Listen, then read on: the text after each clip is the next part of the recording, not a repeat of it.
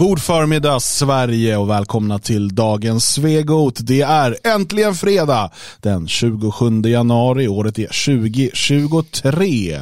Jag heter Dan Eriksson. Jag heter Magnus Söderman. Och det här är Energy morgon. God morgon, god morgon! Ring in och vinn tusen kronor i checkar. Idag ska vi se någon som har bytt kön. Oj. Är det så på Energy morgon? Jag har ingen aning, jag lyssnar aldrig på Energy morgon. Jag misstänker att det är exakt så. Ja. Jag tror att det är exakt så, men uh, det gör ingenting. Uh, för uh, Man måste inte lyssna. Det måste man definitivt inte göra. De har yttrandefrihet där.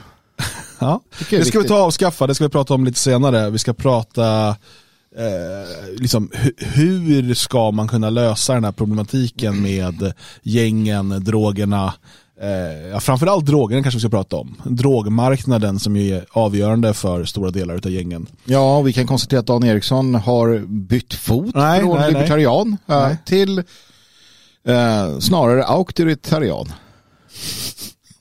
Heter det så? Det är ett nytt ord. Auktoritarianer. Ja, vi får se. Eh, men eh, yxan ska gå. Yxan ska gå och eh, vi ska hålla i skaftet. Så är det och det ska vi eh, prata om idag. Vi ska också titta egentligen inte på Pfizer-grävet ifrån Project Veritas. Nej, det skiter vi det är mer... Ja, men det är intressant i sig att sitter, han sitter och berättar hur, eh, hur liksom Pfizer då ska manipulera coronaviruset och sådär.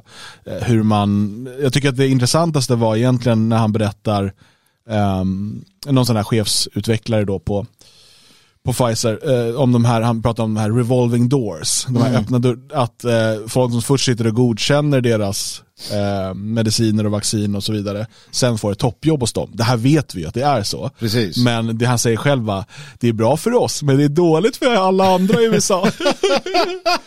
för att han vet ju själv att de godkänner saker som inte borde godkännas för att det eh, kan ge dem toppjobb i framtiden och sådär. Ja. Men Däremot så har det kommit ut en film också då som visar hur den här lilla, eh, den här lilla eh, mörkhyade homosexuella Pfizer-medarbetaren reagerar när han får veta att den här Grindr-dejten han gick ut med eh, egentligen inte varken var bög eller eh, intresserad av honom mm. utan eh, var en undercover-journalist.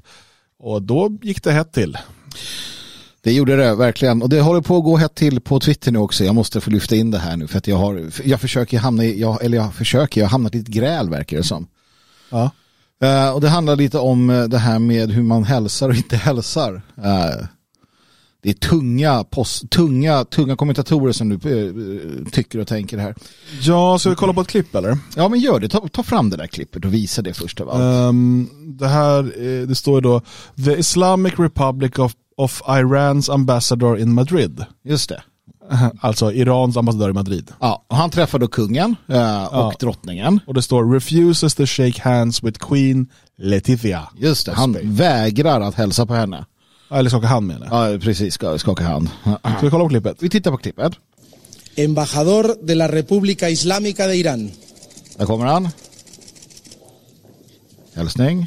Embajadora de la República de Croacia. Ja. Det här har gjort Rebecca Weidmo väl mycket upprörd och hela hennes svans av följare. För att han vägrar ju att hälsa på drottningen. Han verkar skaka hand med henne? Ja, ja, precis. Då. Eller vad, vad skriver eh, Rebecca? Ja, hon hon äh, svarar ju lite grann på, äh, för att det står så att äh, i, i originaltweeten så står det refuses to shake hand with. Ja. Eller refuses to nu ska vi se. Hon skriver, varför kan muslimska länder som Iran inte bete sig rimligt ens i sådana här sammanhang? Just det, och jag svarar ju på den där då. Ja. Och menar att jag nog tycker att de gör det. Jag skriver, ni tror alltså att hon inte vet vad som kommer ske. Det spanska kungahuset har inte koll på hur han kommer att hälsa, för det gör han ju. Ja. Bock och hand över hjärtat. Hennes arm rycker inte ens till. Alltså, det är ju inte så att en kung och drottning inte vet vad som kommer hända. Ja. Det är inte så att han, hon bara, va? hälsar inte han. Alltså hon står ju helt still, sträcker inte. Hon vet ju att i Iran, när, när han hälsar på en kvinna så har han handen över hjärtat och så bockar han. Bockar. Mm. Det är så han hälsar på henne. Mm. Ja. Jag tycker det är en ganska trevlig hälsning för Ja, övrigt. ja, ja. Eh, men då blev eh, Det är en väldigt arg. vördnadsfull eh, hälsning. Alltså det är ju, Absolut. eh, Att slänga fram en...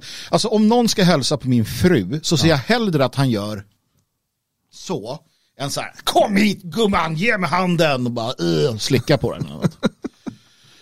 Ehm, och då så skriver jag då, då, då svarar Rebecka, det är hennes jobb att förvänta sig ohövligheter. Det är för fan basic hyfs att hälsa på folk oavsett. men han hälsar ju på henne. Ja, jag ska skriva det. Vänta.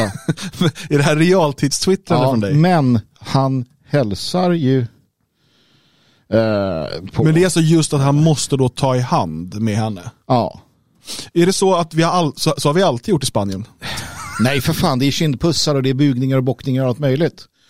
Det har Det, ju, det har ju ändrats över historiens gång och så här. Är det så att man alltid har hälsat, vi säger så här om, om du ska presentera din fästmö för mig. Ja. Eh, har det då alltid varit så att du bara, här är Lolita, min, fru, min blivande fru. Ja. Att man bara, här har du kodan Lolita.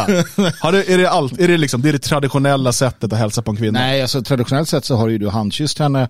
Eller varit väldigt... ja, det har eh, ju varit viss tid ja. Ja, ja visst. Det, jo, men det har ju Jo. varit så traditionellt. Alltså det finns alla möjliga sätt som har varit. Men kardan men ju varför inte... har eh, lätthögen och de här, varför är de så fast vid att just handskakningen, det är den ultimata perfekta hälsningen. Exakt så ska alla hälsa, för då kommer vi få fred på jorden. Ja. Ja, det- Varför? Varför är det så viktigt jag, jag för dem? tror att det är mer att hon vill arg, bli arg över någonting här. Eh, Jag såg ju också att eh, på en liten så här Kasselstrand kom in och gav mig en like på mitt. Yes. Yes. Det är bra Kasselstrand, vi är överens om det här. Alltså problemet är ju inte muslimer per se, alltså att de inte vill hälsa med handen. Problemet är ju inte det. Om Rebecca Weidman väl någon gång kunde säga att ras är ett problem. Eller för, miss, att, att, att, för, alltså att man inte förstår rasens betydelse. Det hade varit en sak. Men hon Men- är ju så jävla dum i huvudet den här kvinnan. Hur, hur har hon kunnat bli så om... Jag vet inte hur ungdomar hälsar nu för tiden. Men jag vet att det var ju någon brytningspunkt där när, på 90-talet när man började typ högstadiet och alla skulle börja kindpussas. Var det så för dig också? Nej, det hade nog inte kommit då. Ja, för det känns som att det var väldigt nytt. Och förvirrande. Vilken sida ska man pussa på och vem ska man pussa? Och du vet, man skulle kindpussas med folk man inte kände. Det första gången, typ som man presenterade någon. Det där var jättekonstigt. Eh, fanns inte, jag, tror- alla man skakar hand med sig, inte ens då. Eh, nu är det mycket, sen har det varit mycket kramar i Sverige. Eh, Fist bumps har väl haft sin, den här, eh, sin storhetstid också. Eh, det har gått igenom lite sådana olika. Men, jag, jag, jag vet inte. Det är som att de här människorna, för att slippa diskutera de riktiga problemen, Ja. så pratar man om sån här meningslös yta. Nu gör vi väl det också, men det är bara för att förklara att lägg inte er energi på det här. Nu har vi gjort det åt er. Ja, fast vi kan avsluta det här också nu. För att Rebecca Weidman väl har klivit in. Jag skrev ju, men han hälsar ju på henne för att förklara att han gör det. Och då svarar hon nej, punkt. Då tar man i hand, punkt. Som alla andra. Som alla andra. Som alla andra, punkt. Som Den alla ja. andra. Jag vill bara här, till er som lyssnar, konstatera att jag har ingenting med den här lätthögen att göra. Vi är inte samma djur. Jag skulle hellre utvisa henne än en, en, en, en, en gangster som kastar sten på Nej, orten. det skulle du inte. Nej, Marcus. Nej, okej. Nu, Jag, nu gick det för jag, långt igen. ja, jag tar tillbaka det. Ja. Det står på din tröja också, var snäll. Ja, Ja. men det är för att jag uppmanar andra till det. Nej men så här, det är ju så dumt. Det är så, jag skäms ju av hennes dumhet. Mm. Alltså på riktigt, och alla som, föl- alla som tycker om henne skäms ju över också. För det, är inte, det, det finns det, alltså, det går liksom inte ihop, tankar är inte stringenta. Men det låt säga så här då. Låt säga så här, att en man träffar en kvinna och ska hälsa. Han sträcker fram handen. Grab her by the pussy. Nej, nej, han sträcker fram handen. Och hon, och hon tar, hon tar inte fram handen, Nej. utan hon, hon kanske niger eller någonting då. Ja. För att hon, med argumentet att eh, jag låter inte vem som helst ta på min kropp. Hade Rebecca Weidman tyckt att det var fel då? Att den Ja. här kvinnan ska fan Ja. bjuda ut sin Ja. kropp till vilken man som helst Hon ska på fan det. ta på allas händer. Ja men alltså, det hade man tyckt var helt, ja men det är hennes kropp, hon bestämmer väl själv. Stopp min kropp. ja, men då är det helt rimligt att man inte vill skaka hand. Eh, för man kanske tycker, nej men jag tycker inte om att röra vid andra människor, vad det än är. Men just för att han är muslim, Ja, det är ju det. så är det så här, men, och istället för att då faktiskt prata om det som är problemet med islamiseringen av väst, Mm. västvärlden, så hamnar man i de här jävla skitfrågorna om huruvida man skakar hand eller inte. Mm. Det är så dumt, så dumt, så dumt. Eh, jag kommer inte gå vidare i den här diskussionen. Hon vann, känner jag, väldigt sådär. Eh, Grattis, här får du en kaka. ja. Det, Eh. sen skriver hon också att det är hennes jobb att förvänta sig oöverligheter. När fan blev det en drottnings jobb att förvänta sig oöverligheter? Jag tror inte att, hon Jag vet tror- ju ingenting. Du ska inte ta det där bokstavligen tror jag. det, det står ju där.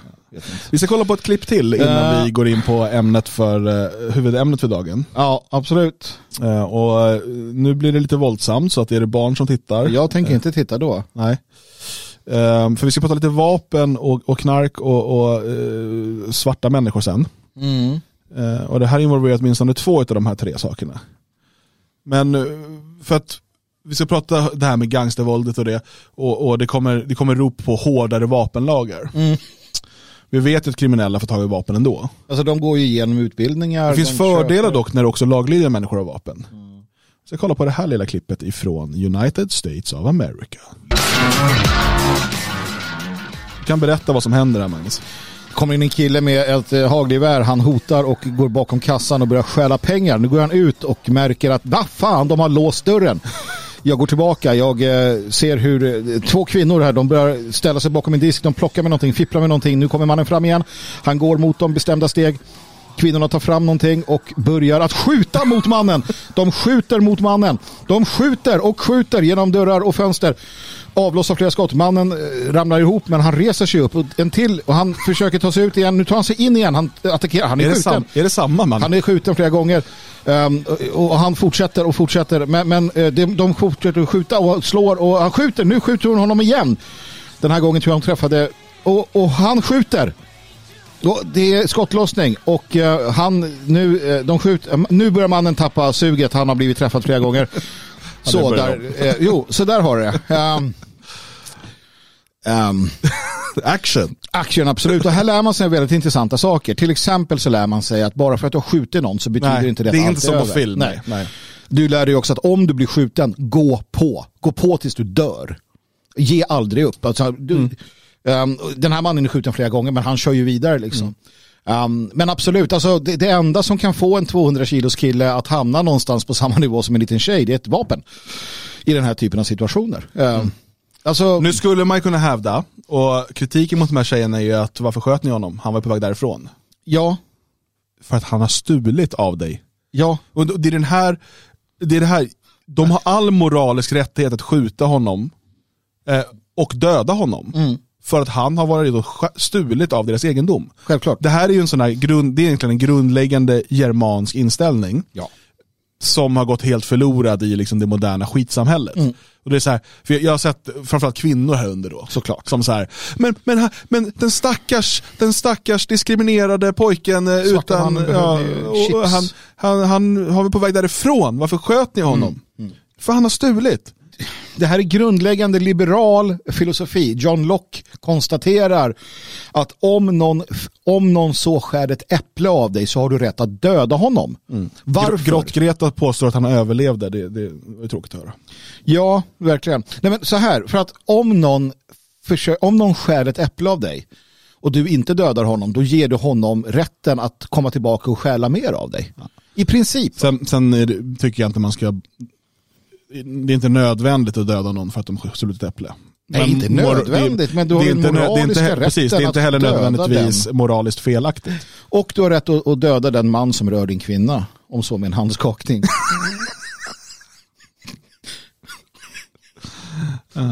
Hörru, låt, oss hoppa Var in, snäll för fan. låt oss hoppa in på eh, huvudämnet som utgår ifrån ett reportage i Dagens Nyheter. Mm. Ehm, tydligen är det problem i Sverige. Man ställer sig den frågan som många ställer.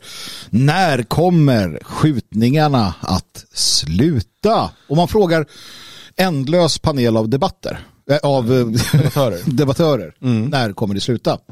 Och Dan Eriksson, eh, när kommer det sluta? Tisdag den 23 eh, så är det dags att sluta. Nej, ehm, det här är ju, eh, för det första så är det ju det är en underlig frågeställning. Frågeställningen är exakt när kommer skjutningarna att ta slut? Som att det fanns ett antal som då, ja, nu är alla upp- upplånade på biblioteket alla skjutningar, men någon dag tar de ju slut liksom. Jo, precis. Om det inte fylls på nya som, som kommer in här. Eh, men jag, okej, vi ska kanske inte fastna vid, vid eh, semantiken här. Jo, utan halvtimme. det, poängen är väl då, vad behöver vi göra för att det inte ska skjutas ihjäl massa folk på stan? Precis, och egentligen så svaras det ganska omgående av en expert som heter Gunnar Ap- Appelgren. Han är polisgängexpert. Och i, han, har, han har en poäng, för han säger så här, och det här kan vi ta med oss initialt. MC-gängen använder våld som ett verktyg för att få pengar och makt. Så är det inte längre. Vi har unga pojkar som lever för våldet, som ser fram emot att mörda. Ja. Som ser fram emot att mörda. Ehm, det är där vi är och då ställer vi igen frågan, när tar det slut på skjutningarna? Ja, när du inte har de här människorna som ser fram emot att mörda kvar och att du förändrar liksom en massa, alltså eh, det är bara att inse, eh, det tar inte slut. Det säger jag i alla fall, eh, sådär, olycksbådande initialt. Nej, eh, nej, helt slut kommer det ju aldrig ta. Alltså, du kan bygga hur perfekt, så, så perfekt samhälle det bara är möjligt. Eh, med de bästa möjliga förutsättningarna. Eh, och det kommer vara folk som eh, begår illdåd. Ja. Det är en del av mänskligheten, av liksom, ja, och, och speciellt, jag menar, man kollar bara i Sverige då, 10 miljoner invånare, 7 miljoner svenskar. Det kommer finnas människor som, som det, det brinner i skallen på. Liksom. Alltså, så kommer det alltid vara. Eh, så att, eh, men det vi pratar, de pratar om här, hur slår vi sönder gängen egentligen? Alltså hur får vi bort den här, de här gängbildningarna, gängkriminaliteten och gängkriget? Och, eh, och, och då är det viktigt det som, som Apelgren säger här. Alltså att man måste förstå att det här går inte att jämföra. Han jämför ju då med MC-gängen på 80 och 90-talet. Och då säger han, MC-gängen använder våld som ett verktyg för att få pengar och makt. Så är det inte längre. Och det, det där är så viktigt att jämföra. För att man försöker då och tror att man ska kunna göra samma sak eh, som man då hade, de, de verktyg man hade på 90-talet. Nu är ju MC-gängen inte borta. Nej, nej, precis. De fungerar på ett annat sätt än de här kriminella invandrargängen. Det finns ju en skillnad till här. Ja, de, för man säger ofta så att oh, men det fanns ju gäng innan. Uh, kolla på Hells Angels och Bandidos. Ja, de var etnisk svenska gäng. De är inte det längre då. De är inte det längre dock. Eh, de är också inblandade i annan typ av, av eh, kneperi, knepigheter nu för tiden. Uh, Hells Angels vet jag inte, de är väl lite mer etniskt uh, homogena uh, fortfarande tror jag. Men i alla fall. Uh, det var svenska gubbar i allt väsentligt. Yngre män naturligtvis, men gubbar som, som hade, och då blir det på ett visst sätt. Det, det, det, var ingen, det var ingen fara. Alltså, att vara ute på stan och, och hamna vid ett bord bredvid några Hells Angels, det var inget farligt. Du kunde snacka med dem, du kunde skoja med dem. Inga problem. Åk in i typ Harlem och träffa några Bloods eller några så här uh, Mama Jujus Siso Murder Gang. Och det slutar med att de äter upp dig. Alltså, det är en jävla skillnad på vad? Jo, på de som, ut, som är en del av gängen. Det är människorna. Det här som Uvell inte fattar. Det är olika mentaliteter, kulturer, raser. Det finns skillnader i hur människor agerar. När du fick det här voodoo-gänget i Sverige. Det är ju all... Man måste ju förstå det här. Ja. När ska du få ett voodoo-gäng som är så här, men vi kör voodoo, satanism och kriminalitet och blodsoffer. Hur ska du få dem? Du, du kan ju inte säga att ja, men vi har haft gäng förr, det hette Hells Angels, det var Roffe, Bengt. Nej. Ja, men det börjar ju roligt också bara så här. Kurvan över skjutningar har stigit i decennium trots alla åtgärder. Och då pratar man ju om att eh, polisen har fått mer resurser, straffen har skärpts och nya lagar på plats. Eh, när Anders Thornberg blev rikspolischef sa han att det skulle ta tio år att vända utvecklingen. Det säger han fortfarande, fem år senare. Ja. Det är precis som med klimatkatastrofen. Ja, ja, då har man alltid tio år på sig. Nu, och det är samma sak med gängkriminaliteten. Det, tar, att det är alltid tio år. Jag tror att man har kommit på att tio år är den perfekta, för det är tillräckligt långt bort Ja. för att folk inte riktigt ska ha koll på om det är rimligt. Ja. Men det är tillräckligt nära för att folk ska känna att ah, då kommer vi få uppleva det. Precis. Så då kommer man antingen få stressen över att ah, klimatkatastrofen om tio år, eller att ah, då kommer, man, har, man håller på att lösa gängproblematik, det tar tio år. Liksom. Så, att där, så fort någon säger att något tar tio år, då vet du att de ljuger. Sanningen är ju att, att gängproblematiken blir bara värre. För att en aspekt vi har pratat om det är det här med klaner och sånt där. Men det finns en annan aspekt också. Eh, och det är, det är bara liksom den här eh, brutaliteten som sker genom IQ-dropp i samhället etc. etc. Eh, han tar upp det eh, och säger så här. För här är vi inte ännu. Mm. Folk tror att vi ligger i topp men vi är inte i närheten. I USA och det är det här som, som, som kommer hända i Sverige. I USA åker man in i ett område och pepprar vem som helst. Om Sverige får drive-by shootings kanske det blir 200 döda per år. Och det är det här vi väntar på. Och det är inte, det är inte, klan, det är inte de liksom, kriminella klanerna, de organiserade mafiosos, det är inte de som gör sånt. Utan nu pratar vi ju Alltså den här typen av, av gäng som är, alltså du har MS-13 i USA, du har så, de är fullständigt... Det är livsstilsgäng på ett sätt som, ja. är, eh, som kan vara svårt att förstå för oss utifrån. Precis. Alltså som det i stort sett föds in i. Ja. Eh, och sådär, det, det ja, jag vet, på, på, ett, på ett helt annat sätt. Eh, och Sen skulle jag säga att det där är också en etnisk dimension. Araberna oh och muslimerna, de, det är mera klaner och liksom organisera sig på det sättet. Eh, medan du har de här uh, i USA är det framförallt då svarta och latinos. Ja. Eh, alltså mestiser av olika slag som, som har den där typen av gäng. Um, sen finns det alltid liksom överlappningar. Mm. Um, men sen så pratar han ju också om det här med gangfluencers. Precis. Eh, kriminella som sprider sitt varumärke och sina idéer via sociala medier och gangsterrap. Um, Yttrandefrihet kallas det i Sverige. Ja, och det är en annan sak som han säger här då. Um, så säger han det, uh, så himla underligt för att um, han säger Appelgren tar massakern i skotska uh, Dunblane 1996 som exempel då 16 förskolebarn sköts ihjäl. Då kraftsamlade man för att få bort skjutvapen. Sverige håller på och småduttar. Jag tycker inte alls det är något paradigmskifte som den nya regeringen pratar om. Och här tappar ju Jeppsson all min respekt. Jag tycker han har sagt bra Appelgren. saker. Appelgren, ursäkta. Jag tycker att han har sagt bra saker hittills, men här liksom så här, vad hände här? Dunblane, det var en sån här skolskjutning. Eller ja, det var ju, det var ju inte en... Alltså, det var ju något helt annat. Nej, det var ett, en förskola till och med. Jag ja. tror det var någon som jobbade på förskolan. Ja. Som, ja, men, som fick en knäpp? Eller? Ja, och, och, det man gjorde efter det var ju efter några steg att man i stort sett förbjöd eh, privatpersoner att äga handelsvapen. Ja. Men, men eh, antalet mord i England per ja. person ligger ungefär på samma som i Sverige. Alltså de kriminella i Dunblane som inte var inblandade, alltså kriminella i Dunblane åker ju inte och skjuter småungar på... Nej men och, och, att lösningen skulle vara hårdare vapenlagar i Sverige. Det är ju bara fel. Ja, för att man... man um... Det hjälper ju ingenstans. Men det jag tycker jag är intressant sen, och vi ska komma in på en liten diskussion här snart, men för han säger också då, eh, så här, Appelgren tror att det finns ett antal gängkriminella nu där bara inlåsning hjälper. Han jämför med vården som prioriterar de som kan räddas. Så säger han, så kanske polisen också måste tänka. Vilka kriminella är mottagliga för insatser och vilka är så skadade mm. att bara inlåsning hjälper för att de ska sluta mörda? Precis, och, och här måste jag säga att han, han har rätt till del. Eh, ett civiliserat samhälle har, tittar historiskt sett, inte kategoriserat sina medborgare på det sättet. Där har man bara gjort så här att de som är oförbätterliga, de avrättar man och låter Gud sköta det. För att man ser som samhälle att vi kan inte bära de här på våra axlar utan de måste bort. Nu vill han att vi Dan, Dan, Det kommer Thomas kommer här i chatten och säger att Dunblane var en pedofillärare som attackerade efter att han åtalats för övergrepp. Ja, det är ju väldigt ja, långt ifrån gangbangers. Och en annan sak som man då införde i Storbritannien var att man skulle kolla polisregister och sånt där på alla som skulle börja jobba med barn. Det gjorde man inte innan. Nej. Var, men jag förstår inte vad det har med liksom eh, shot, alltså dödspatrullen skjuter varandra. Där förlorar han ju all, all, all sådär. Men det, det han säger där det är så att ah, nej, men vi, ska, vi ska ha verkliga livstidsstraff istället.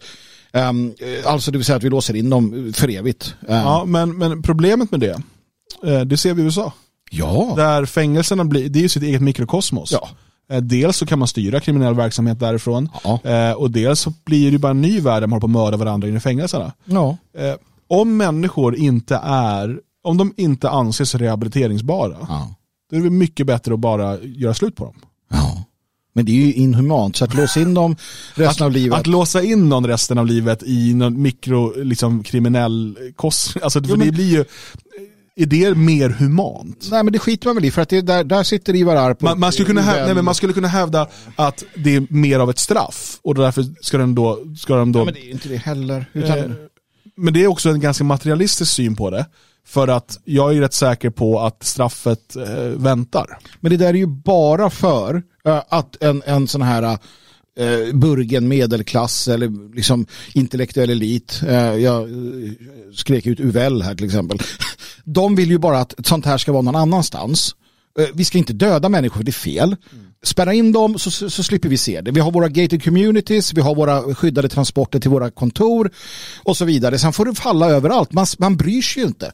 För att ingen av de här vill ju lösa något på riktigt. För det, de har inte modet till att lösa problemen. Mm. Um, och det har vi. Alltså det är därför en nationalistisk eh, kontrarevolution är nödvändig. För där finns moden att lösa problemen överskådligt på sikt, på lång tid och kort tid. Um, det är därför man låser in dem i USA. Mm. För att då slipper du se dem. De sitter i sina fina områden och slipper se skiten. Och sen betalar man eh, några fångvaktare att sköta om det där. Varav några blir mördade varje år och så vidare. För man mm. bryr sig inte. Det, det är fruktansvärt.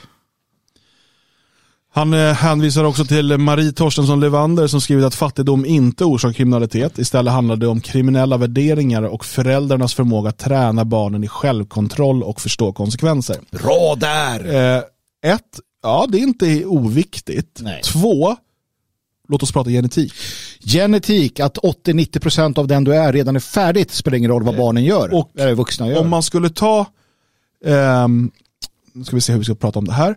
Mm. För att i Sverige får man, man får göra gangsterrap om att mörda och våldta men man får inte prata om vissa vetenskapliga forskningar. Mm. Men låt oss säga att man då har grupper i samhället som man kan kolla på en gruppnivå. Mm. Så kan det vara så att en grupp, eh, låt oss kalla det män. Män. Eh, för det får, man, det får man fortfarande säga. Just, vita män. Män kanske då har sämre impulskontroll och högre riskbeteende mm. än gruppen kvinnor. Då vet man att det är en bidragande orsak till att män eh, har eh, större risk att hamna i kriminalitet än vad kvinnor gör. Mm. Våldskriminalitet. Om man då inom gruppen män hittar vissa undergrupper med gemensamma eh, karaktäristika mm. som dessutom i den gruppen har man generellt sett betydligt sämre impulskontroll eh, och, och eh, sämre konsekvensanalys, kanske lägre IQ generellt. Just det, ja. Om det skulle vara så. Ja, ja vi säger det ja. bara. Det är ju inte så. Och den gruppen också är då gravt överrepresenterade i våldskriminalitet. Ja. Då vet man att tillhör man den gruppen så är risken högre. Ja. Alltså, det jag säger är, mm. det jag försöker säga är att om vi inte pratar om att olika grupper i samhället har olika genetiska förutsättningar så kommer vi aldrig förstå varför vissa grupper är representerade. Vi vet att den så kallade, eh, alltså att, att det här med fattigdom och så vidare, det förklarar i stort sett ingenting när det gäller den typen av våldsbrottslighet vi pratar om nu. I stort sett ingenting. Eh, och huruvida föräldrarna ser sina föräldrar gå till jobbet, mm. som man också nämner här det är bara en politisk floskel. Eh, ja, det är klart att det, det, är bättre om du växer upp med föräldrar där du ser pappa gå till jobbet, mamma tar hand om hemmet eller mamma går till jobbet, mm. än att mamma och pappa sitter hemma och skjuter heroin. Ja, självklart ja. är det med största sannolikhet bättre för dig. Jag tror dock inte det är bättre för dig om mamma och pappa jobbar 12-14 timmar om dagen för att de ska göra karriär mm. eh, och du är, driver runt hemma och, och liksom, jag, jag, tror inte att det är bättre för, men skitsamma. Det, det jag vill säga är, Pratar vi inte om den genetiska verkligheten mm. så kommer vi inte våga, då kommer vi inte kunna komma till eh, pudens kärna här. Det är precis så. Och jag tror att eh, alltså, det här kommer också hända eh, vad det lider. Eh, problemet är, för saken är den att samhällen klarar inte av att hålla ihop det här. Det är klart, vi har haft 60-70 år utav den här eh, galna drömmen om, om att eh, genetik inte spelar roll. Det håller ju på att haverera fullständigt risken är ju nu att just sådana här äh, dårar som äh, tillhör den här VF-eliten som, som liksom är omåttligt rika och har kontroll över en massa läkemedelsföretag och sånt får för sig att de ska börja programmera om gener. Skriva om livets kod. För helt plötsligt så kan man gå in och så här programmera tror man bort sådana här saker. Mm. I den i normal värld så, så hade vi bara alltså det hade ganska enkelt bara liksom ja eh, skapats, eh, skapats olika barriärer mellan liksom, de här knepiga typerna och alla andra och sen hade det liksom fungerat. Det har fungerat i, i all tid. Mm. Men det som du säger, genetiken är ju vad den är och, och det vägrar man se. Uh, och, och, det, utan den så, så kommer vi ingen vart. Mm. Och Sen pratar man då med e- Evan Chetin, tror jag man uttalar, eller Chetin, det är ett turkiskt namn tror jag. Eh, mm. Eh, tidigare advokat här som, som pratar om, hon säger då bland annat att narkotikan är central eh, för det här. Och eh, så pratar hon om inställningen hos de här unga eh, killarna. Och här tror jag vi kommer också till en väldigt intressant del av det. Hon säger så här, först måste dessa killars kriminella inställning knäckas med narkotika och snabba pengar som de är beredda att dö för. Och sen frågar hon vad gör vi sen för de som avtjänar straff? För sen kommer hon till, jag ska se om vi kan hitta ehm, exemplet. Det kanske inte var hon som sa det med eh, huruvida de vill gå och jobba eller inte. Nej men det fanns där, så att, och det är ju så, så att vi kan ta det i, i, i vilket fall som helst. Ja. Eh, för att här, här, här blir ju frågan då så här. Eh, du har två val då, säg. Antingen gå och jobba eller... eh, för man säger ju att man tjänar inte på kriminalitet. Återigen, det där är också så dumt. Va? För att när en, en medelålders eh, beteendevetare säger att man tjänar inte på kriminalitet. Ja. Vad menar personen i fråga? Jo, titta utifrån sina egna perspektiv. Jag kan säga att de här grabbarna som håller på, de tjänar sin helvete på sin kriminalitet. Ja, det man säger här i alla fall, det är en polis som säger ehm, Utmaningar, menar du problem? Sen, ja, vi har gjort insatser ihop med andra myndigheter, men det är inte så lätt att motivera en 18-åring att ta truckkort och jobba till klockan 17 och acceptera den lönen. Först att acceptera den lönen. Som att, som att det initialt är fel lön. Nej, och, och här kommer vi till någonting väldigt viktigt. Och, alltså, och, om du pratar med människor som, som rör sig i de här miljöerna, att de ska då och jobba 8-17, um, fem dagar i veckan, ehm, med ett jobb som kanske inte är jättekul tycker de, jag vet inte. Men hur som helst, de ska jobba så pass mycket för normal ingångslön 23, 24, 25, 27 tusen, jag vet inte, eh, före skatt. Eller så kan de sälja lite knark, driva in lite pengar, göra något litet eh, rån eller någonting och ha ungefär samma pengar. Men det är bara några timmar sedan resten av tiden kan de ägna åt att hänga med polarna, spela tv-spel, vad det nu är de tycker om att göra. Men de känner ju makt. Ja, dessutom. Men, men bara det rent. Ja, ja, visst. ah, vilken insats som krävs för det du får. Ja, ja. Och, så, så det är klart att det, det är inte lockande för många av de här människorna att, att leva ett hederligt liv. För att det kostar så pass mycket, tycker de, och ger så pass lite. Och det är, man skulle absolut kunna säga till dem, jo men du måste se att om några år, då kommer den här kriminella banan du är inne på nu leda till att det kommer gå åt helvete för dig, för det gör det för de flesta.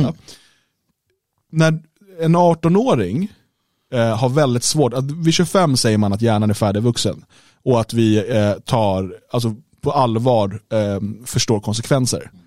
Eh, och om, om man är 18 så har man alltså inte helt utvecklat det konsekvenstänkandet.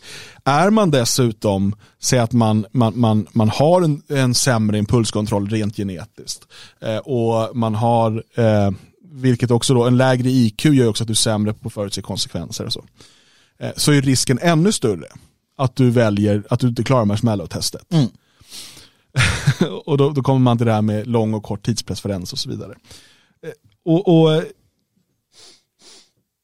att, att tro att de här människorna ska kunna inordnas i något svenskt tänk från liksom 50-talet. Där du går, du går grundskola och sen går du en yrkesutbildning eller så liksom, eh, pluggar du för att sen gå på universitetet. Någon, men efter, och sen börjar du jobba så jobbar du, börjar du på eh, arbetsplatsen på fabriken eller lagret eller vad det är. Eh, och så jobbar du uppåt där och sen efter eh, 10-20 år så kan du avancera. Efter 35 år eller vad det är får du en guldklocka. Det, det, det, det är två helt skilda världar som kolliderar här. Ja, ja visst. Ja, och inte nog med det. Den där världen kolliderar med mig också. Jag vill inte jobba 50 år från guldklocka. Saken är den att det finns två, det finns två lager här. Det ena är det manliga. Som, som är liksom universellt nästan. Och sen har du de andra aspekterna. För att hur får du jag menar, ta, vi kan gå tillbaka till vår historia. Tjena grabbar, jag heter eh, liksom Bengt Tveskägg. Jag tänkte dra över till ett annat land, plundra och fixa och dona. Det är ett jävla äventyr. Ni kanske dör, jag, jag garanterar inte att ni får någonting. Men vi kanske får med lite rikedom och coolt hem. Kanske brudar också. Varenda man sa, nej men jag kommer. Förutom de som bara, nej jag vill gå på gården och arbeta. Det finns en det finns en, ett substrat i befolkningen av män som inte vill vara en del av det där. Mm av samhällsapparaten, av guldklockan och skit. Och jag tillhör nog snarare dem mm. än jag tillhör de som vill gå. Och det är ena aspekten och det är liksom så, så har vi gjort i alla tider. Eh, och det är därför vi har haft sådana ja, men som, som, vi har haft kriminalitet, vi har haft gäng, vi har haft en annan typ av människor i de svenska homogena samhällena också. Ja, men, och det har vi kunnat plus, hantera. Men, men, ett, ett samhälle som ska klara av det behöver också kunna erbjuda de männen äventyret. Precis. Eh, och, och eh, det har vi, alltså historiskt sett har vi haft krig. Ja. Eh, som liksom har varit en del av det, du tar ja. värvning i armén eller det liksom, eh, en del blir ja, upptäcktsresande, ja. Sven Hedin ja. eller eh, det finns ju massa olika såklart uttryck du kan ta. Så jävla coolt men... för Sven Hedin kunde ha blivit en gangster. jo men det är så, ja. den mentaliteten, jag drar till Taklamaca-öknen. Mm. Liksom, och så det är de två aspekterna. Um, och sen så har du då importen av massa sådana här människor som också är helt annorlunda på andra sätt när det kommer till brutalitet och liknande. Mm. Så, så är det ju. Mm. Och filmor till ehm, exempel, um, man tar upp här då. Mm. Precis, det är ett, ett sådant exempel. Och, eh, folk hittar, hittar olika utlopp för det där. Men eh, och, och när, när, man tänker på det då, alltså så här, hur, hur det här samhället är felbyggt. Eh, det är felbyggt i sig, även för en hel svensk befolkning, ja. men ännu mer för ett mångkulturellt, mångrasligt eh, samhälle som det vi har idag. Mm. Eh, liksom he hela välfärdssystemet eh, och den gamla liksom, nationalstatstanken, allt det där slås ju sönder utav eh, mångkulturen. Mm. Och eh, vi ser ju då de här kriminella gängen, de finansieras delvis då med droger, men också en del av välfärdsbedrägerier till Oj. exempel och annan eh, kriminell verksamhet, mycket inom restaurangbranschen och så. Eh, och mina välfärdsbedrägerier eh, har ju på ett sätt alltid existerat. Alltså det finns människor som tänker så här, men fan, jag kan få lite mer därifrån. Mm. Eh, och nästan varenda svensk gör det i minimalt format. Typ att man kanske tar en extra vabbdag fast man igen, barnet egentligen inte längre är sjukt. Mm. Det är teoretiskt sett välfärdsbedrägeri. Det är välfärdsbedrägeri. Här däremot, men här handlar det om organiserade gäng eller klaner mm. som har en struktur för att berika sig på detta välfärdsbedrägeri. Det, det, på det sättet är det inte jämförbart, men man kan bara säga att i det lilla så kanske alla gör det någon gång. Ja. Men det är en helt annan sak när du då ser dig som att mitt gäng eller min klan, eh, vi står egentligen då i en strid med den där andra klanen mm. som är staten. Mm. Och det är bara vårt, liksom, det är vårt jobb att se till att ta deras resurser och ge till oss. Mm. Och det där har ju uppstått på grund av mångkulturen framförallt. Absolut. Ja. Uh. Jo, och det är här man måste börja titta på detta. Och så här är det ju den, den, den enda rimliga lösning eller det enda rimliga tillvägagångssättet är ju att staten blir en klan eller är ett gäng. Vårt gäng. Alltså staten är om säger så Sverige, svenskarna är gänget. Vi har vår nation, vi har vårt territorium. Då ska ju polisen och myndigheterna vara vårt gäng. Som ska bry sig om svenskarna och, ja, och liksom eller om det vore så att den bara brydde sig om staten. Eller bara staten, och, och då medborgarna. Ja. Eh, om den inte, även om den inte vore etnisk. Men varje gång som en mördare kommer undan. Mm. Varje gång som en, en klan eller ett gäng kan stjäla från välfärden. Mm. Så har ju vårt gäng förlorat. Precis. För de har ju då inte lyckats göra det. Och jag menar vårt gäng, staten och, mm. och, och, och deras våldsmonopol de kräver skyddspengar av oss. Ja. Alltså, vi måste ge dem ungefär hälften av allt vi tjänar in. Mm. Annars kommer de med våld sätter oss i fängelse. Mm. Precis som att kriminella har skyddspengar på restauranger och andra verksamheter. Mm. Om de inte betalar så kommer de med våld och se till att de betalar eller slår sönder deras verksamhet. Just det. Vi, och vi betalar de här skyddspengarna för att vi har inget val till staten och då lovar de i utbyte mot det så kommer vi se till att eh, hålla de andra gängen borta. Mm. Det är dealen. Mm. Om du kokar ner det så är det dealen. Absolut. Vi kommer se till att om du blir sjuk tar vi hand om dig. Mm. Eh, du kommer inte behöva söka dig till någon annan. Om, du, om det här händer så tar vi hand om dig. Och vi kommer se till att du kan leva tryggt och fritt. Ja. Varje gång vi som tvingas betala skyddspengar till, till det här gänget mm. inte får skyddet, mm. då har, de, då har de brutit sitt avtal. Just det. Problemet är att vi kan inte ta oss ur avtalet. Vi kan inte välja en, ett annat gäng. Nej. Eh, och, och, och de som gör det, det är ju det vi ser nu. Alltså de här kriminella gängen, de har valt ett annat gäng. De betalar väldigt lite i, Ja, i skatt ja, ja. oftast. Eh, och, och därför så ska ju då egentligen vårt gäng jaga ner dem. För de är ju ett hot mot vår säkerhet, mot det här som vi betalar in till. Men det gör de inte. Nej. Inte i den utsträckning som krävs. Och de har ju helt tappat det. De har helt tappat förståelsen. För att det, det, det, är ju så här, det var ju så här Sverige började. Det, Sverige började ju med eh, mindre eh, kungar alltså som hade sina områden. Somalier. Men du hade dina första, eller inte första, du hade dina gängledare. Mm. Eh, som satt, vi hade några i Västra Götaland här i Elgarås där vi befinner oss så var det ett, ett, gäng, eh, ett gängkrig som pågick. Eh, mellan Sture, eh, vilka var det då? Det var Sverkarna och eh, er, Sverkskäten och Erikskäten. Just det, Sverkiska gänget och Eriska, Erikiska gänget. Sen kom ju senare en, en, en gängledare, en, en riktig don, han hette Gustav Vasa. Eh, som fullständigt bara tog kontroll över hela och så vidare. Det är så det går till. Det är så. Och det är det vi, det vi kallar för gäng, Shottaz och grabbarna idag. De är i värsta fall morgondagens ledare i de här områdena. Det är de som, som, som kommer att, att styra och ställa, erbjuda sjukvård och så vidare. och så vidare, och så vidare. Precis som i Sydamerika. Ja, för att när, är när, de, när de blir attraktivare eller när repressionen från dem känns farligare Ja. än det som det andra gänget, idag då till exempel staten erbjuder, Mm. eh, så kommer folk vända sig till dem. I de lägena så återigen might is right funkar i de, eh, i de jämförelserna. Ja, Men fråga dig själv. Fråga dig själv där du bor.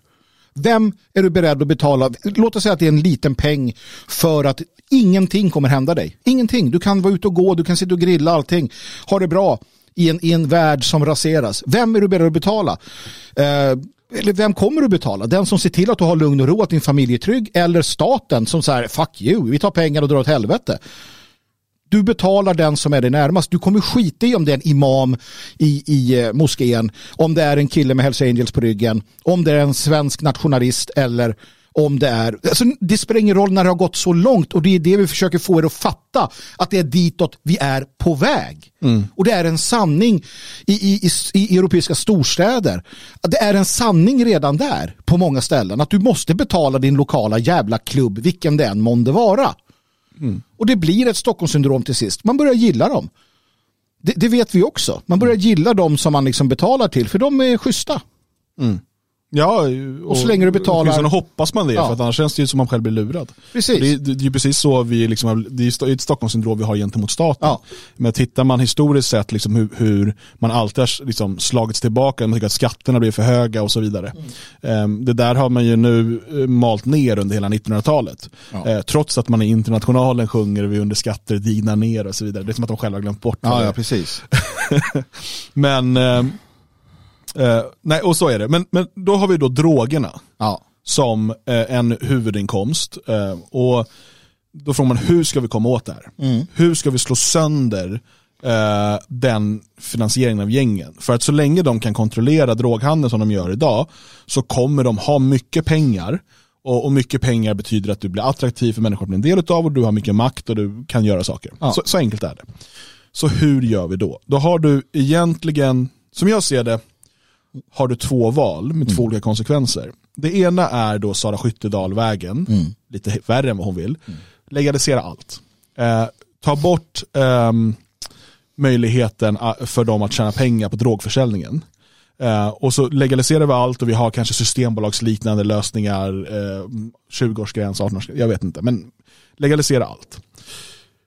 Och vi, vi börjar där då. Och varför det är en usel idé alltså, låt mig börja med att säga så här att, att då, då, alltså visst det kanske skulle innebära ett visst eh, bortfall i ekonomi. Å andra sidan, om du är beredd att föra business med muskler så kommer du få business. Alltså, de kommer, vilka är det som kommer styra droghandel när den är legal? Vilka är det som kommer öppna de här coffeeshopsen? Ja, men det, man kanske har då statligt monopol på det. Alltså som Systembolaget. Ja, Men, men det spelar egentligen ingen roll. Alltså för det första kommer ju då kriminella hitta andra saker att tjäna pengar på. Ja. Eh, så det löser... Det- precis. Men, och det, men du, du får helt andra liksom, konsekvenser. En, en, en legalisering För att ibland har vi pratat om det här med avkriminalisering av bruk och för mig är det en helt annan fråga för det handlar om att människor som är, är på väg in eller ligger i är ett missbruk ska kunna få hjälp mm. utan att bli klassade som kriminella. Eh, och därför är jag för en avkriminalisering av eget bruk. Eh, så att till exempel, jag vet, har personlig liksom, vänner med erfarenhet av att de inte har ringt ambulans när folk har tagit en överdos. Mm för att de själva är höga, vilket gör att de då eh, skulle bli kriminella och kunna mm. förlora sitt jobb till exempel. Mm. Alltså människor dör i Sverige, vi har en oerhört hög dödlighet i narkotika. En av, om inte Europas högsta. Mm. Men det är en helt, alltså att legalisera försäljning av droger, vilket man ju måste göra om du ska ta bort marknaden från gängen, det är en, det är en separat fråga. Eh, så att, att legalisera, för mig är det självklart att konsekvensen av det kommer vara att fler testar droger. Det är redan många idag som testar droger, absolut. Men det är ju ingen tvekan om att det som du som samhället dels signalerar är lagligt eh, och dels som du enkelt kan gå och handla eh, liksom, utan att behöva gå i något eh, liksom gathörn med någon kriminell och sådär. Att det är större risk att du då provar det. Alltså, det säger sig självt. Ja, ja. Eh, och jag kan bara tänka tillbaka på mina egna liksom, tonår eh, när man testar lite droger och sånt och då var det oftast för att någon kompis hade eller sådär. Jag var aldrig intresserad av att köpa själv. Men eh, hade det funnits en butik jag kunde gå till så hade man nog i den där nyfikna åldern eh, och där man dessutom gillade att berusa sig på ett annat sätt och sådär. Mm. Jag är rätt säker på att jag hade provat betydligt mer, mer droger än vad jag gjorde. Uh, och jag, jag, tycker att, jag tycker att det är en usel idé med fullständig legalisering. Um, för jag tror att det kommer få katastrofala uh, folkhälsokonsekvenser. Ja, för det är inte bara det är inte typ kokablad och, och någon sån här gammal trött uh, marijuana. Utan det är ju alltså, potenta droger, uh, designerdroger. Alltså sånt som, som gör det liksom högt ganska ja, alltså snabbt. Ett problem de har i USA nu med, med cannabislegaliseringen är ju att de har gjort så oerhört potent cannabis. Du kan inte jämföra det med liksom flower power-tidens eh, röka. Eh, och, ja.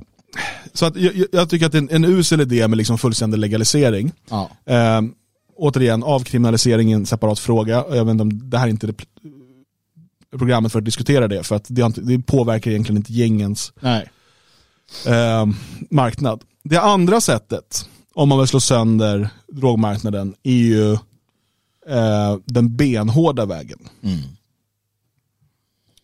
Vi kan ju titta då på hur man gjorde med, har gjort med gängkriminella de gånger man har löst det. Och det, det, ett av de bästa exemplen är väl fascismens Italien och vad man gjorde med maffian. Ja det är det utan tvekan. Det, det är det. Jag, jag, har svårt att hitta andra. Um, för, för det är inte bara Duterte gå och skjut folk och stå och hota och härja utan det är en, en systematisk under en lång tid process där man um, återigen, och det var ju det som Cesar Mori, eh, järnprefekten, eh, förstod. Och han säger själv det att eller inte, alltså det, det, det man såg var att staten måste på Sicilien eh, bli som maffian. Alltså man måste, maffian har sedan länge ersatt den fallna statens roll och nu måste staten då etablera sig.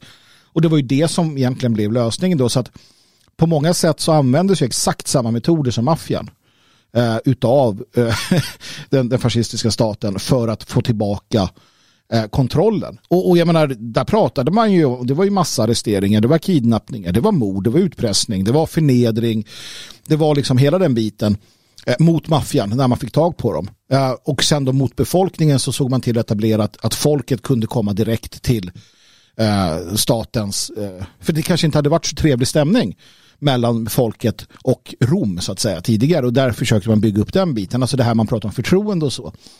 Eh, men framförallt var det ju hårda nypor. Mussolini gav ju honom carte blanche. Du gör vad du behöver göra för att återetablera statens auktoritet på Sicilien. Och det är första och enda gången som, som maffian har eh, knäckts. De flydde, de drog till staterna, till den liberala demokratin mm. och kom tillbaka när eh, eh, man landsteg 40, när, när demokratin 44. vann. Mm. Precis. Uh, precis, och då är det så här, vill man inte genomföra det som måste genomföras, alltså internera, deportera, repatriera, avskaffa mångkulturen och så vidare. Och det, det, det, de, det kommer inte hända nu. Nej, liksom. och de verktygen finns inte i regeringens verktygslåda överhuvudtaget och verkar inte ens vara påtänkta. Och man istället då vill försöka eh, slå sönder de här strukturerna. Ja, och det är det man pratar om, man pratar om att slå sönder Ja, ja, precis. gängen och så. Men då måste man inse vad som krävs. Ja. Som du säger, då måste staten eh, börja agera som de kriminella gängen. Ja. Eh, och så länge staten, och, och det, är så här, det är ju inte den utvecklingen vi vill ha. Nej. Vi har pratat om det här med liksom övervakning och, och, och liksom järnhälen och så vidare, att vi, vi vill kunna leva i fred och frihet. Ja.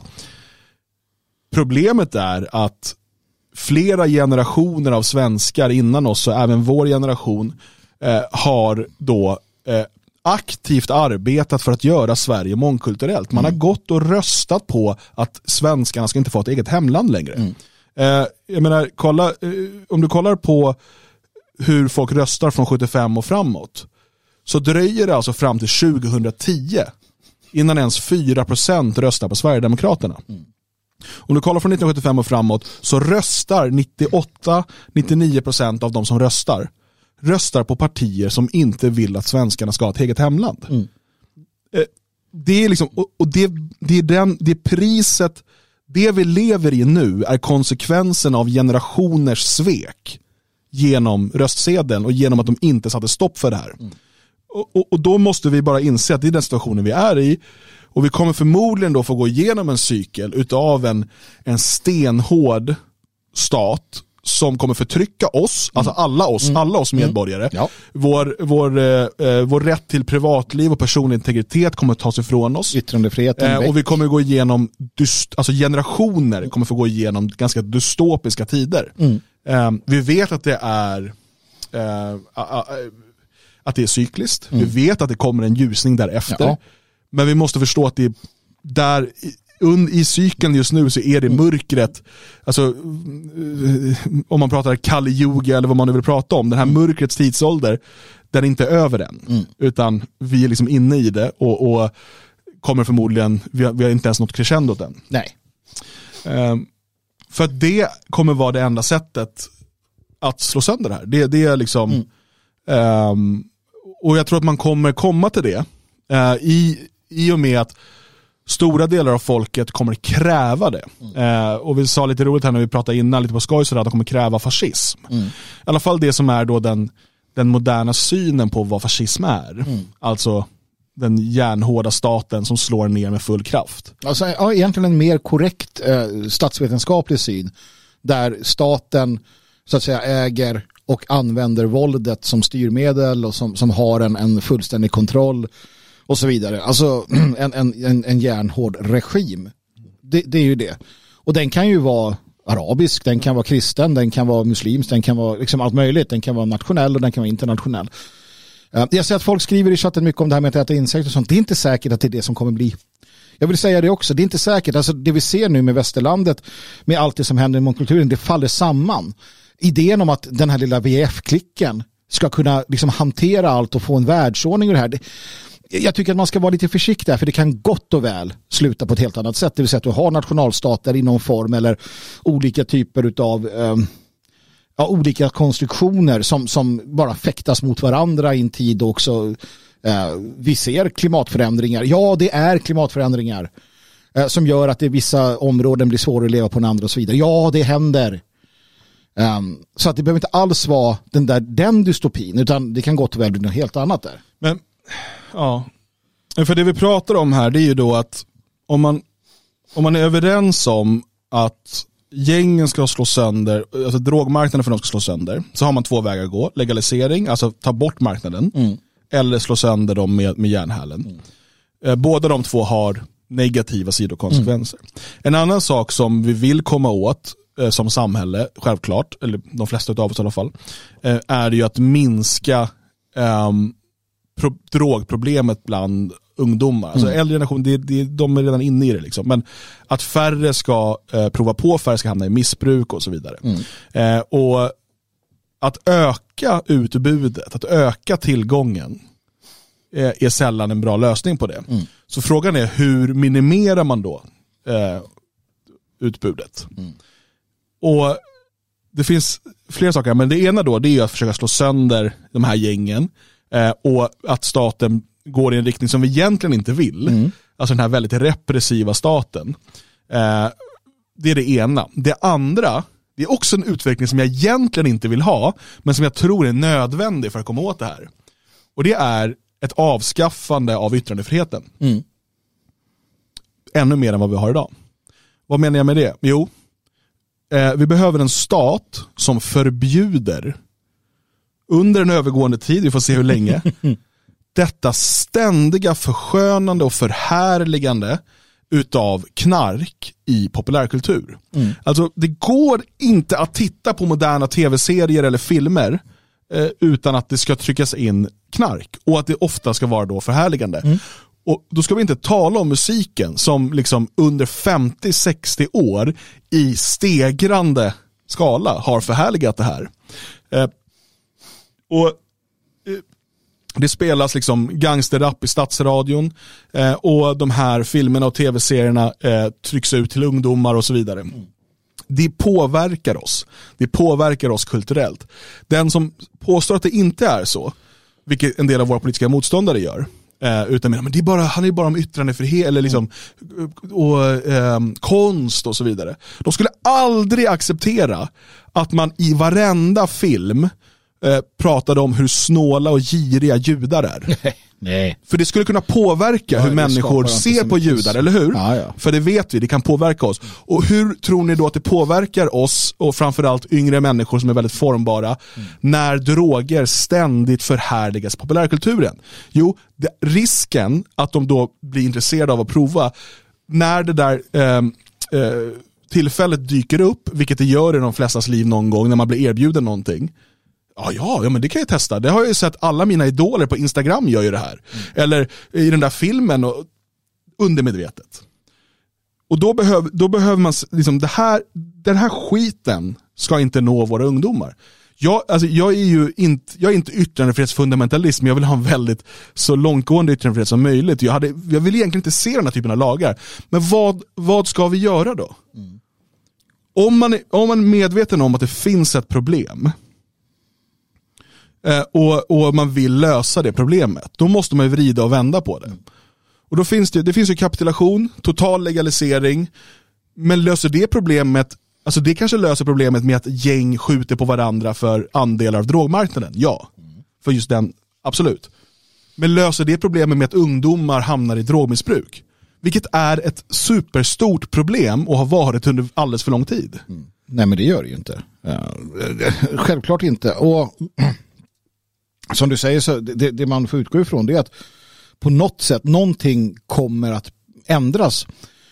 Och, och det kommer gå åt olika håll och här för vår del handlar det ju framförallt om hur hur ska vi ehm, hur, hur ska vi hitta strategierna för alldeles oavsett vad det blir för samhällsutveckling. Det är ju där man kommer tillbaka. Precis. Ehm, och, och det, det, är, det, är inte särskilt kul att, att fundera det här. Jag, jag läser här, det var en som skrev att vi, Uh, vi har, eh, varför, denna, denna, varför vi liksom fastnar i någon form av dystopi i framtiden, att trots alla dystopiska filmer så har inget slagit in. Det är ju inte sant. Vi lever ju till stor del dystopi i det att, att eh, titta på sociala kreditskålar. Alltså helt ärligt, berätta, om du åker tillbaka 50 år i tiden, eller 100 år i tiden, eller 30 år i tiden Ja. och berättar om den totala övervakningen, den nationella DNA-banken eh, och, och hur man kan se din, din position jämt och ständigt eh, och, och hur nu eh, myndigheter ska samköra allt det här och eh, hur människor sätts i fängelse för att de skriver eh, ord på Facebook. Och, allt det här. Det är en dystopi. Det är bara det att den kokta grodan har inte fattat att det kokar än. Ja, precis. Eh, och det, är- det, det är där vi är. Och ja, jag hävdar att det finns klimat, att, att klimat förändras. Uh, jag får också det att det finns inga Klimat förändras hela tiden. Ja, klimat förändras hela tiden eh, och vi går ju ur en, förhoppningsvis ur en istid in i en varmare tid. Um, för 8000 år sedan så var det 6 grader varmare i Sverige. Jag Eh, hoppas Bara, att vi... alltså, på medeltiden så odlade vi, hade vi vindruvsodling i, i eh, Medelpad. Liksom. Ja, men så att, så att eh, det här idén om status quo eh, är ju inte sann. Utan att, att det sker. För, och jag, jag räds inga förändringar.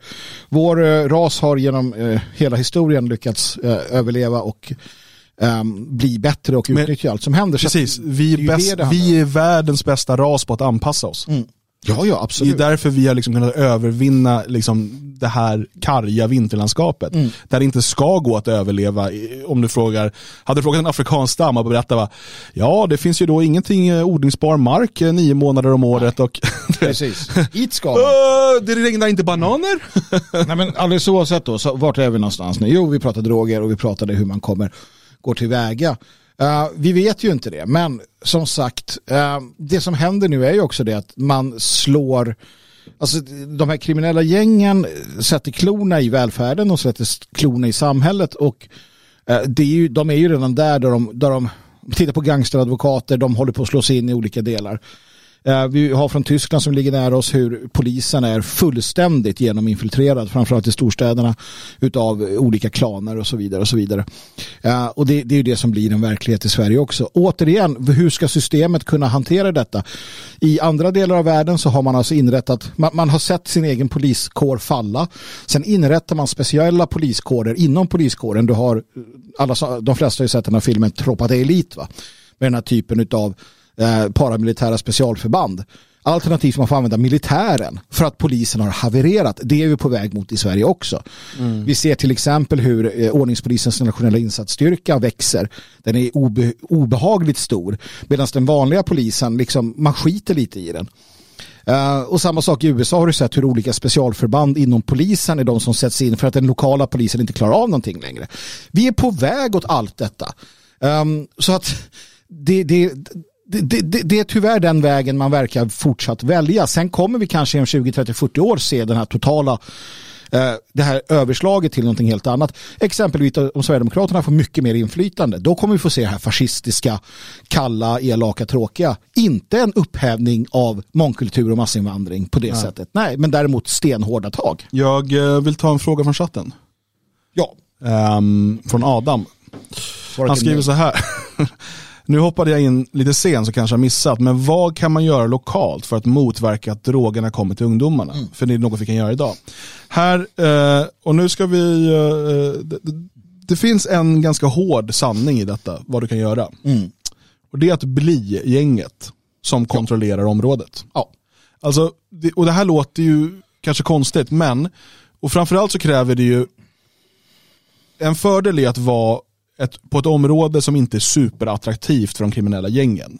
Alltså att försöka göra det här i Stockholms innerstad eller i eh, någon av de här förorterna eller, eller villaförorterna vad det än är. Eh, det kan vara en ganska dålig idé. Men vi, vi tar Elgarås som exempel då. Och jag säger inte att vi är där än, men om man kan föreställa sig hur, hur det kan vara. Ehm, om man är tillräckligt många, med tillräckligt, så, som därmed bara genom sin, sin, sin, liksom, sitt antal har tillräckligt med våldspotential för att det inte ska vara attraktivt för gängen att sälja sina droger i det området. Ehm, så har man löst den biten. När droger kommer in i området, för de, man kan ju åka och handla någon annanstans, så kan man ha nolltolerans på området.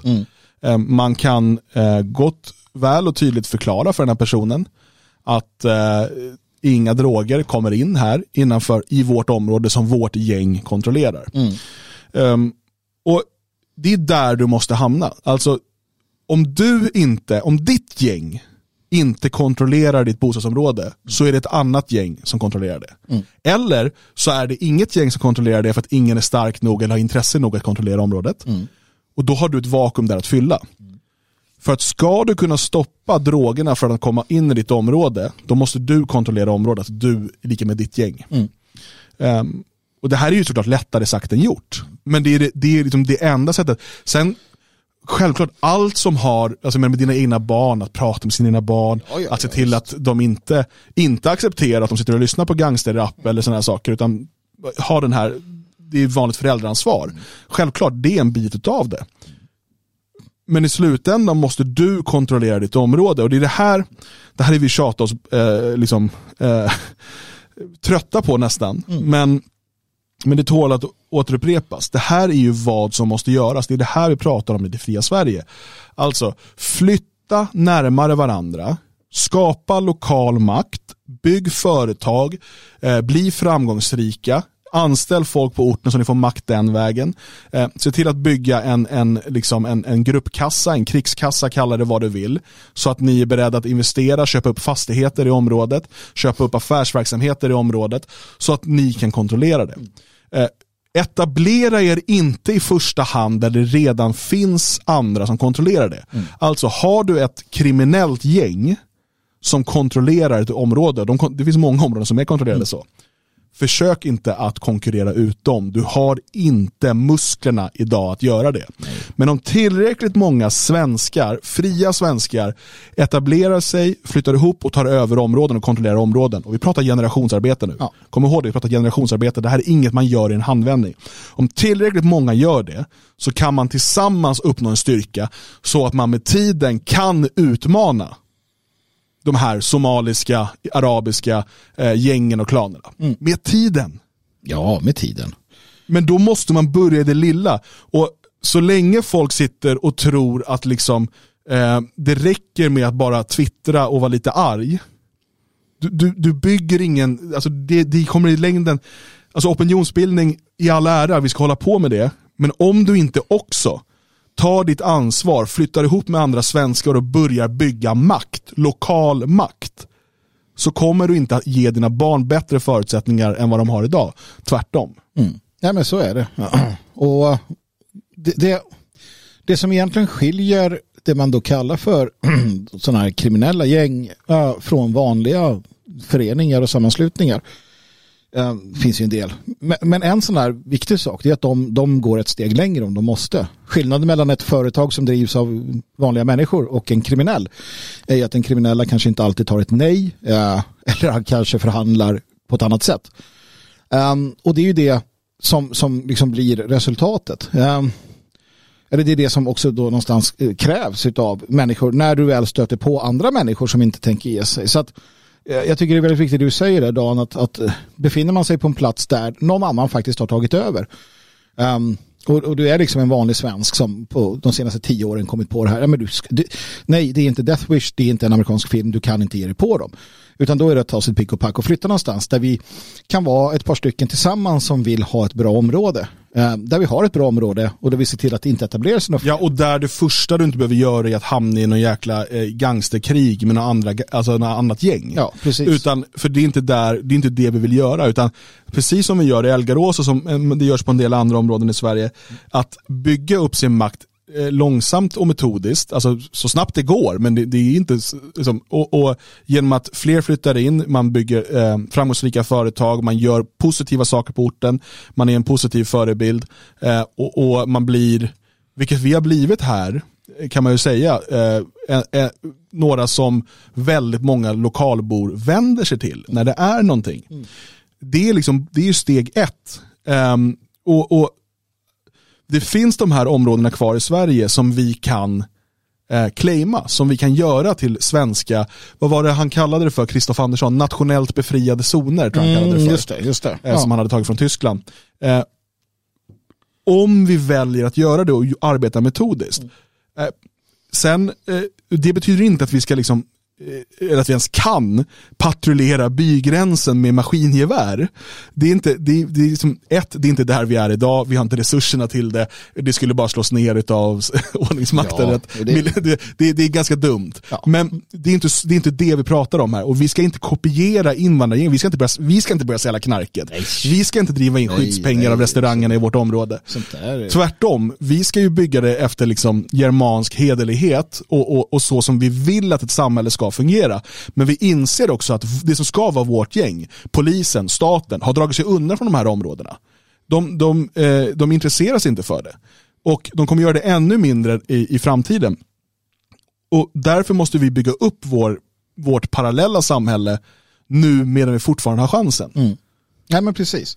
Ja, och det, det, det, har ju genom historien hänt sådana saker. Jag har tagit upp de exemplen förut. Det finns två sätt för en, en människa att, att uh, hantera det. Antingen gör du som de som har gjort det i historien. De har sett så här, det här samhället är inte hur jag vill ha det. Det här funkar inte som det ska. Jag har min gemenskap. Vi vandrar ut i vildmarken.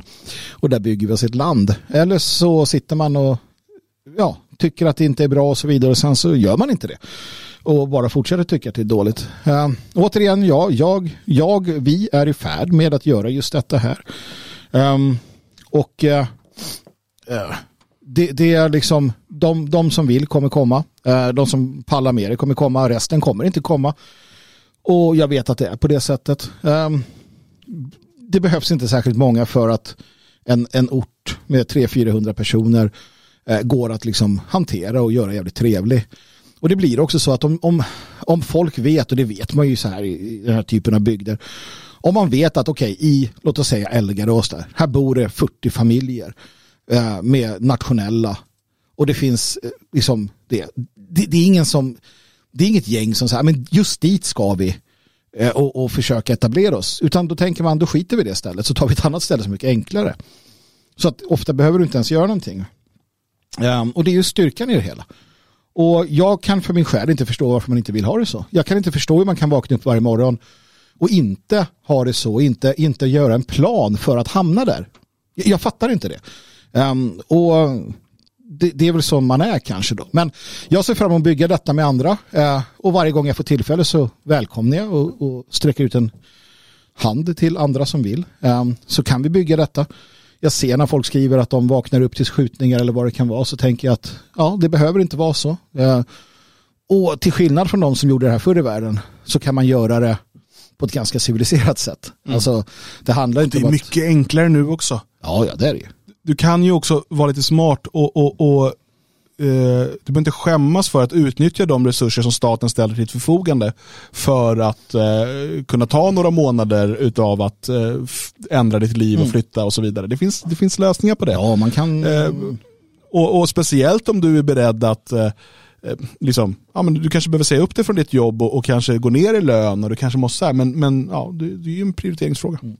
Nej, sen Andreas skriver här, inte Mariestad med bollträn. Nej, för tusan, skit i Mariestad. Uh, kom hit och bygg upp uh, och skapa. Jag vet inte vad man ska med bollträn att göra. Nej, den, är, den går att göra annat också. Nej, men alltså, det finns ju bra gräsplättar för brännboll. Ja, det finns det. Nej, utan snarare då, och det är ju det här som är fint, om man bygger upp ett, ett bra, schysst, vitt samhälle så, så, så, behövs det sällan. Liksom. Eh, folk håller sig borta initialt. Det, det märker vi också. Um, så att nej men absolut. Um, vi, vi uh, här eller någon annanstans. Ja. Så då kan man, så jag bara svara på Tony som skriver då, skulle behöva lite hjälp med att ta tillbaka min hemstad Västerås. Jag tror inte man förstår riktigt vad vi sa. Nej. Om du vill utmana eh, makten i Västerås, både den, den liksom offentliga och den kriminella makt som finns där. Mm då behöver du lite mer resurser än vad du kanske tror just nu. Um, lämna Västerås. Ja. Uh, bosätt dig någonstans där du har möjlighet att bygga upp någonting där du inte, alltså det är ju som att jag, vet inte, det är som att man har en armé på tio personer och så säger man så här, okej, okay, vilka ska vi attackera? De som har två personer i sin armé mm. eller de som har 10 000? Mm. Vi tar dem med 10 000 för det är de vi verkligen hatar. Mm. så här, mm, nej, det är, inte, det är inte en bra strategi. Nej, och sen, sen är det ju så här, och det här är inte, det här riktar jag då inte till någon eh, specifik på det sättet. Det är också att, att man, måste, man måste fundera lite grann på att är det det här jag håller på med, alltså om jag, jag ser mig själv som en del av vår opposition och så, då kan man tänka sig så här, men ser jag det som att det är en, en form av liksom jag har mitt jobb och jag har min familj och jag har allt det och sen har jag här, den här saken också. Mm. Eller funderar man som så att det här är det jag gör och det är här jag tänker bygga långsiktigt. Eh, det är ju två skilda sätt att se på det. Somliga är nöjda med att ja, men jag lever i min stad och jag har mitt jobb och min te och sen engagerar jag mitt parti och vi försöker ändra på saker. Då får man göra det. Eller så tänker de att nej, jag tänker handfast skapa någonting. Uh, efterlämna något bättre, skapa den här gemenskapen och så vidare. Kosta vad det kostar vill och så gör man det. Um, och här, då handlar det om att titta på styrkor och, och, svagheter och vad som behövs och så vidare som du är inne på där. Um, och, eh, och, agera helt enkelt. Så att det finns ju olika vägar att gå. Jag är rätt säker på vilken jag väljer. Men inom det fria Sverige så, så, så finns det ju flera vägar naturligtvis. Men, men en sak är säker att du på din ort där du bor måste hela tiden arbeta för att skapa de här eh, trygga, eh, lugna, fina platserna för varandra. Uh, och, och, sig själv och sin familj. Det, det kommer man inte ifrån, det, det aktiva deltagandet i sin närmiljö så att säga. Mm. Uh, vi kommer inte hinna kolla på den här Pfizer-videon. Nej. Det gör ingenting, den var inte så viktig. Nej, eh, vi har redan kört en timme och en kvart och sitta och kolla på en 10 minuters video när vi ska stoppa och sådär. Det kommer ta för alldeles för lång tid. Och vi har massor att göra. Mm. Massor att, att, att planera, förbereda, eh, arbeta med. Eh, det kommer hända spännande saker på Logik förlag här de kommande månaderna. Eh, vi har ett gäng evenemang redan utlysta eh, som du kan gå in på friasvenskar.se. Eh, det kommer utlysas ännu fler. Just nu ligger det uppe för första kvartalet framför allt. Mm. vi ska upp med ännu fler där. Eh, det, finns, det händer massor med roliga, eh, intressanta och spännande saker i allting som har med det fria Sverige, Radio Svegot, Logikförlag och alla de här verksamheterna som vi bygger tillsammans.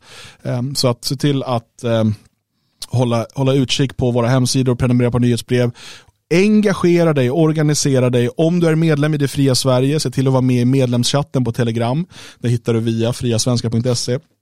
Där kan vi få, du få snabb löpande information. Det kommer såklart också medlemsbrev via mail och så vidare. Se till att läsa dem.